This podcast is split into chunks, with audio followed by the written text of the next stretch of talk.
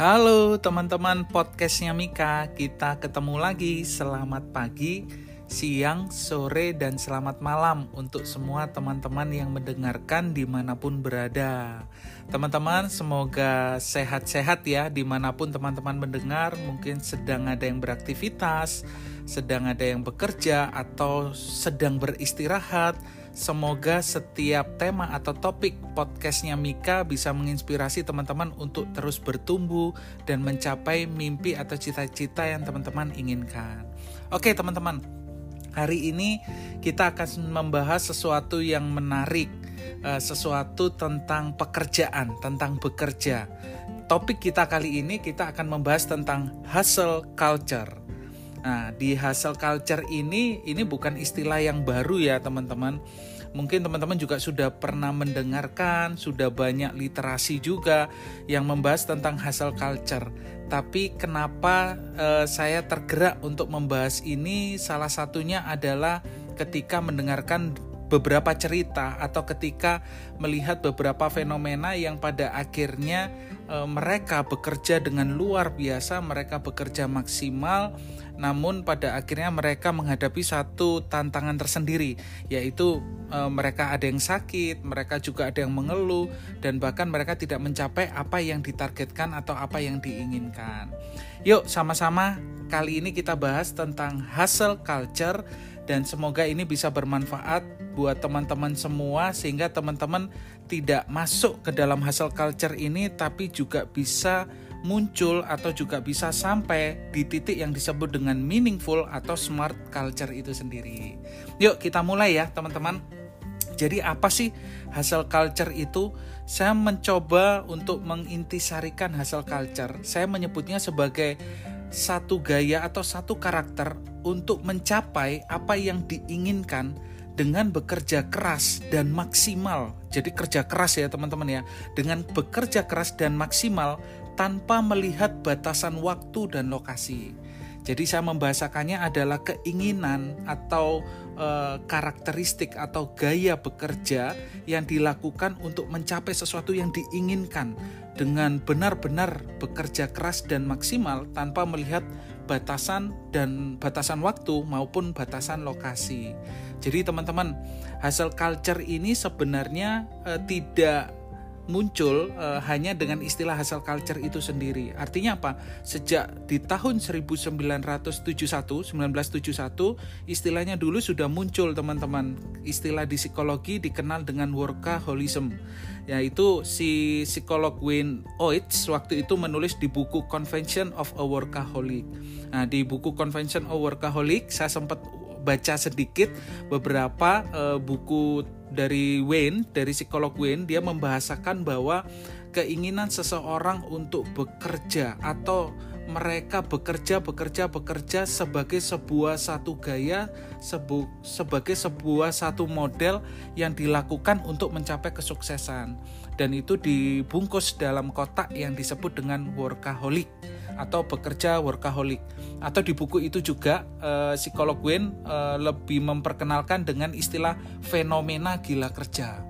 Jadi pada tahun 71 fenomena gila kerja ini mencuat uh, dari tulisan psikolog Wayne ini teman-teman.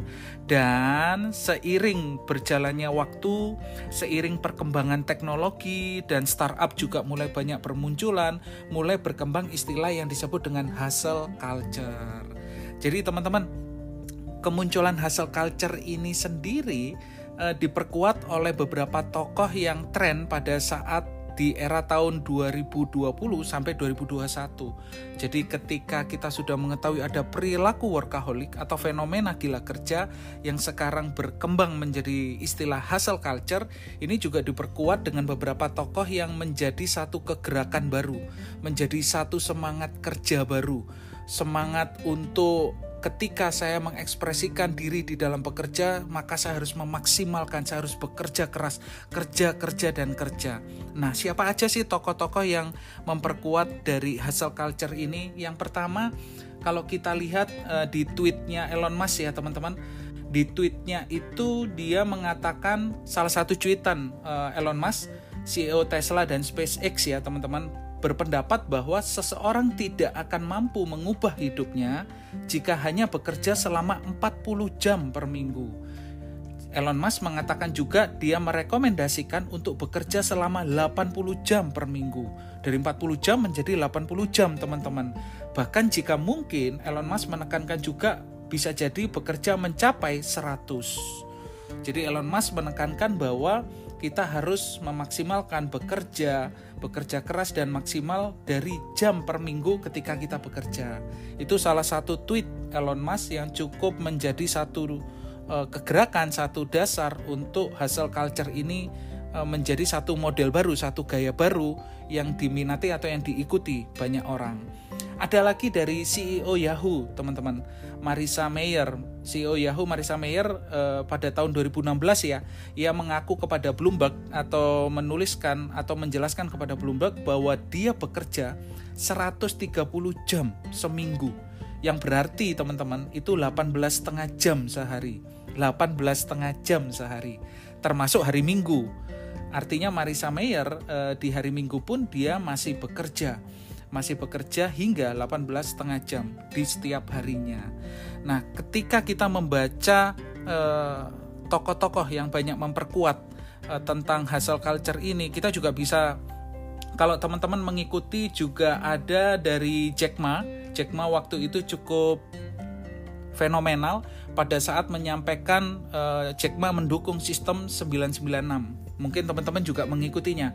Sistem waktu kerja 996 itu maksudnya adalah e, untuk orang bekerja dari pukul 9 pagi sampai dengan pukul 9 malam. 6 hari per minggu atau 72 jam per minggu itu adalah salah satu uh, yang didukung oleh Jack Ma saat itu tentang sistem waktu kerja 996. Walaupun di dalam beritanya ada ada perdebatan juga ya teman-teman dan teman-teman bisa ikuti di literasi atau literatur yang banyak membahas tentang sistem waktu kerja 996. Tidak hanya itu banyak sekali uh, istilah-istilah atau uh, fenomena atau semangat-semangat yang muncul sebagai untuk memperkuat hasil culture ini dilakukan kalau kita mengikuti perkembangannya sendiri di Jepang teman-teman itu ada satu fenomena juga bukan fenomena ya ini sudah menjadi kasus dan kasusnya ditangani oleh pemerintahan Jepang itu yang disebut dengan karosi karosi di Jepang itu adalah e, kematian akibat kerja berlebihan sehingga orang itu menjadi stres sehingga orang itu menjadi tertekan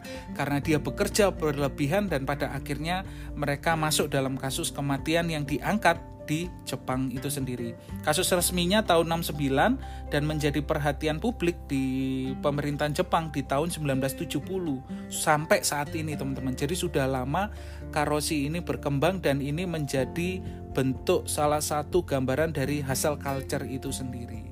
Jadi pertanyaannya nih teman-teman, hasil culture itu baik nggak sih Kak Mika? Jadi bagaimana dengan hasil culture itu sendiri? Ada dua perspektif yang terlihat di sini, teman-teman. Saya akan mencoba menggambarkan dari dua sudut pandang itu. Sudut pandang pertama itu adalah bagi hasil culture-nya sendiri, bagi orang-orang yang ada di dalam hasil culture sendiri. Mereka akan mengatakan ini adalah cara dia untuk mengekspresikan diri cara dia untuk katarsis, cara dia untuk menampilkan diri, menunjukkan performan dirinya supaya apa? Ada dua target besaran yang biasanya diungkapkan oleh para para hasil culture, para orang-orang yang bekerja di dalam budaya hasil culture ini. Yang pertama adalah mengejar mimpi mereka ingin mengejar mimpi lebih cepat. Itu sebabnya mereka ingin bekerja keras. Mereka ingin melakukan yang terbaik. Mereka ingin memberikan yang maksimal hingga mereka melupakan batasan waktu dan lokasi. Dan tidak hanya itu teman-teman, eh, alasan kedua yang terkuat bagi hasil culture adalah melakukan hobi, melakukan kesukaan. Karena saya suka kak, karena saya hobi kak, karena saya saya pengen kak, karena saya memang mencintai melakukan itu kak sehingga dia masuk ke dalam hasil culture. Dia bekerja, dia bekerja, dia bekerja, dia mengekspresikan. Lalu kita lihat perspektif di satu sisi sebelah sana, teman-teman, yaitu perspektif bagi non hasil culture, bagi orang-orang yang tidak hasil culture. Mereka memandang hasil culture ini adalah penyiksaan diri. Ini adalah sesuatu yang tidak ideal. Alasan mereka yang paling terbesar adalah hidup tak seimbang. Hidup menjadi nggak seimbang dan akhirnya mengalami stres. Nah, teman-teman, Kalau teman-teman saat ini ketika mendengarkan ini dan mulai berpikir, aku pengen kerjain lagi deh, aku kerja, aku kerja, aku kerja, aku pengen kerjain lagi, aku harus kerja. Dan ketika teman-teman berpikir, aku kerja, aku harus ngerjain, aku harus kerja, aku harus kerja lebih ekstra. Dan pada saat teman-teman menyampaikan ini atau memikirkan ini, saat itu teman-teman lagi makan, atau tak, saat itu teman-teman lagi tidur terbangun lalu terpikir untuk pengen kerja lagi. Atau lagi mandi mikirin kerjaan. Atau lagi bermain dengan anak misalkan. Lagi bermain dengan anak bercengkrama dengan keluarga atau bahkan piknik dengan keluarga teman-teman berpikir tentang kerja ini. Atau bahkan ketika sedang beristirahat karena sakit teman-teman mikirin aku kerja aku mesti ngerjain ini. Aku mesti kerja aku kerja kerja kerja. Aku harus kerja lembur. Aku harus kerja sampai malam. Aku harus kerja sampai lewat ketika teman-teman memikirkan ini maka teman-teman sudah masuk di dalam hustle culture. Nah sekarang kita bahas ya teman-teman. Gimana caranya Kak Mika supaya kita tidak hustle culture? Eh, bahaya nggak sih hustle culture itu atau apa efeknya hustle culture itu? Ada banyak literasi yang mengangkat termasuk salah satunya di WHO tahun 2019 ya teman-teman. Hasil culture dapat mengakibatkan burnout bagi teman-teman yang ada di kantor. Burnout sendiri merupakan suatu sindrom yang diakibatkan oleh stres kronis di tempat kerja yang tidak dikelola dengan baik yang dicirikan dengan perasaan letih perasaan negatif tentang pekerjaan dan berkurangnya produktivitas pribadi. Di sini juga ada gambaran-gambaran yang menggambarkan efek samping atau bahaya dari hasil culture adalah efek fisik yang dirasakan oleh diri kita adalah meningkatnya tekanan darah dan detak jantung yang tidak teratur karena stres, meningkatnya konsumsi alkohol, bahkan meningkatnya resiko terkena penyakit jantung. Jam kerja yang panjang meningkatkan resiko gangguan kesehatan mental, seperti gejala depresi, emosional, well-being yang memburuk, kecemasan, bahkan pemikiran mengenai bunuh diri. Itu sebabnya tadi teman-teman di awal bunuh diri itu konsepnya juga salah satu bentuk wujud dari karosi di Jepang. Nah, teman-teman, jadi gimana Kak Mika supaya saya nggak masuk di hasil culture atau saya bisa menjadi seimbang, saya tidak hanya berproyeksi bekerja, bekerja, bekerja, bekerja dengan keras, bekerja dengan maksimal, tapi saya juga memperhatikan apa yang ada dalam hidup saya. Ada tiga tips untuk teman-teman supaya teman-teman bisa menjadi lebih sehat, lebih lebih objektif ketika bekerja dan ketika melakukan sesuatu. Teman-teman boleh catat ya. Dari hasil culture ini yang perlu diperhatikan nomor satu, yaitu strategi untuk beristirahat karena kesehatan. Nah, ini yang paling penting, teman-teman. Teman-teman harus tahu batasan ketika bekerja dan batasan ketika teman-teman harus rest. Ada satu istilah yang banyak muncul saat itu adalah work hard, rest hard. Artinya apa? Kerjanya keras, tapi istirahatnya juga harus maksimal. Kalau saya lebih senang mengatakan bahwa bekerjalah secara cerdas. Bekerja secara cerdas artinya mengatur waktu, mengatur pikiran, mengatur tenaga, mengelola perasaan untuk pada akhirnya kita bisa mencapai tujuan mimpi kita, untuk bisa mencapai target yang sudah diinginkan. Dan termasuk di dalam target apa yang kita inginkan itu juga termasuk mengelola waktu-waktu kita untuk beristirahat. Artinya apa? Target kesehatan masuk di sana. Artinya apa? Me time masuk di sana, menikmati waktu bersama keluarga masuk di sana, menikmati hasil-hasil jeripaya teman-teman masuk di sana juga. Jadi penting nomor satu adalah memperhatikan strategi untuk beristirahat karena kesehatan. Itu penting banget teman-teman. Karena teman-teman tahu dan memahami yang nomor satu ini, teman-teman tidak akan mengabaikan kesehatan itu sendiri. Nomor dua teman-teman, Nomor dua adalah strategi untuk memanage target atau harapan yang dikerjakan. Ini penting juga teman-teman, supaya kita tidak masuk ke dalam hasil culture. Manage apa sih target harapan saya hari itu, hari itu, atau bulan itu, atau bahkan di tahun itu. Nah, yang paling banyak umum terjadi para hasil culture adalah Ketika mereka ingin mencapai target di satu tahun, mereka padatkan di satu bulan, mereka padatkan di satu hari. Jadi di dalam satu hari itu ada 24 jam dia maksimalkan karena pemikirannya sederhana. Kalau saya kerjain lebih cepat, maka akan lebih cepat sampai. Ya benar, ketika dikerjakan akan cepat lebih sampai, tapi ada faktor lain yang teman-teman harus pertimbangkan. Bagaimana dengan kesehatan teman-teman? Bagaimana dengan kemampuan fisik teman-teman? Bagaimana dengan pekerjaan-pekerjaan lain yang membutuhkan perhatian? Apakah itu hanya satu pekerjaan yang difokuskan atau ada pekerjaan lain, tanggung jawab lain yang harus dikerjakan?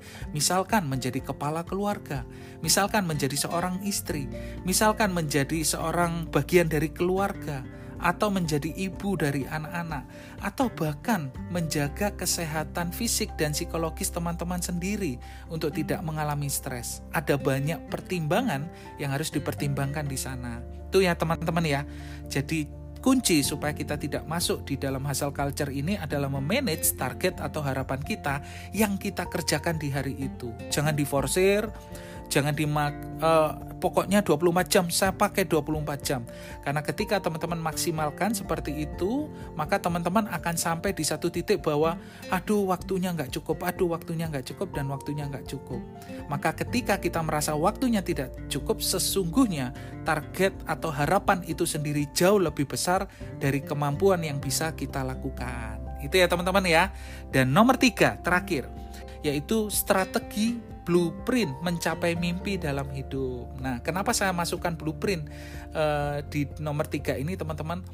Penting ketika kita mengetahui apa yang ingin kita capai dan kita ingin pergi ke mana, dan kemudian kita bisa memetakannya potong demi potong, pendek-pendek, supaya kita bisa memanage setiap pencapaian tanpa harus masuk ke dalam kondisi stres itu sendiri. Karena ketika teman-teman memaksimalkan untuk mencapai itu dalam satu waktu, yang bahkan satu waktu itu tidak masuk dalam alam logika berpikir ilmiah kita, maka teman-teman sedang memaksakan diri untuk masuk dalam hasil culture itu sendiri. Dan teman-teman juga bisa sampai di kondisi stres itu sendiri. Jadi jangan ya teman-teman ya, Tentukan strategi blueprint teman-teman untuk mencapai mimpi, petakan apa yang ingin dicapai satu tahun, dua tahun, tiga tahun, lima tahun, dan satu tahun itu di breakdown kembali 12 bulan, di breakdown kembali hingga sampai ke hari. Dan teman-teman pastikan di hari itu tidak hanya tentang bekerja, tapi teman-teman juga memasukkan tentang rest atau menikmati dalam hidup tentang apa yang teman-teman sudah capai. Itu penting karena itulah prinsip keseimbangan. Oke, itu teman-teman. Pesan terakhir adalah ketika kita melakukan ketiga hal yang tadi disaringkan, tiga strategi di atas teman-teman, kita tidak lagi menjadi hasil culture atau sebaliknya yang ekstrim adalah kita santai banget. Enggak karena teman-teman bisa mengubahnya menjadi meaningful and smart culture. Artinya apa? Segala sesuatu yang kita kerjakan harus memiliki makna yang mendorong hidup kita mendekati mimpi yang dicita-citakan dengan tetap teman-teman, dengan tetap memperhatikan strategi tiga pilar. Apa tiga pilar itu Kak Mika? Kesehatan, tujuan hidup, dan well-being. Kesehatan bicara tentang kesehatan fisik dan psikis atau psikologis, tujuan hidup bicara tentang goal setting, dan well-being bicara tentang keseimbangan. Keseimbangan apa Kak Mika? Antara bekerja dengan beristirahat. Kita fokuskan kepada kesehatan, tujuan hidup, well-being. Saya percaya teman-teman tidak akan masuk atau terjebak dalam hasil culture ketika teman-teman bekerja maksimal, teman-teman bekerja maksimal dengan tujuan yang clear, dengan meaningful, artinya memiliki arti yang jelas. Dan teman-teman juga memasukkan waktu-waktu untuk menikmati, waktu-waktu untuk beristirahat, dan waktu-waktu untuk bisa mencapai well-being dalam hidup teman-teman. Oke, itu aja teman-teman. Hari ini podcastnya Mika membahas tentang hasil culture.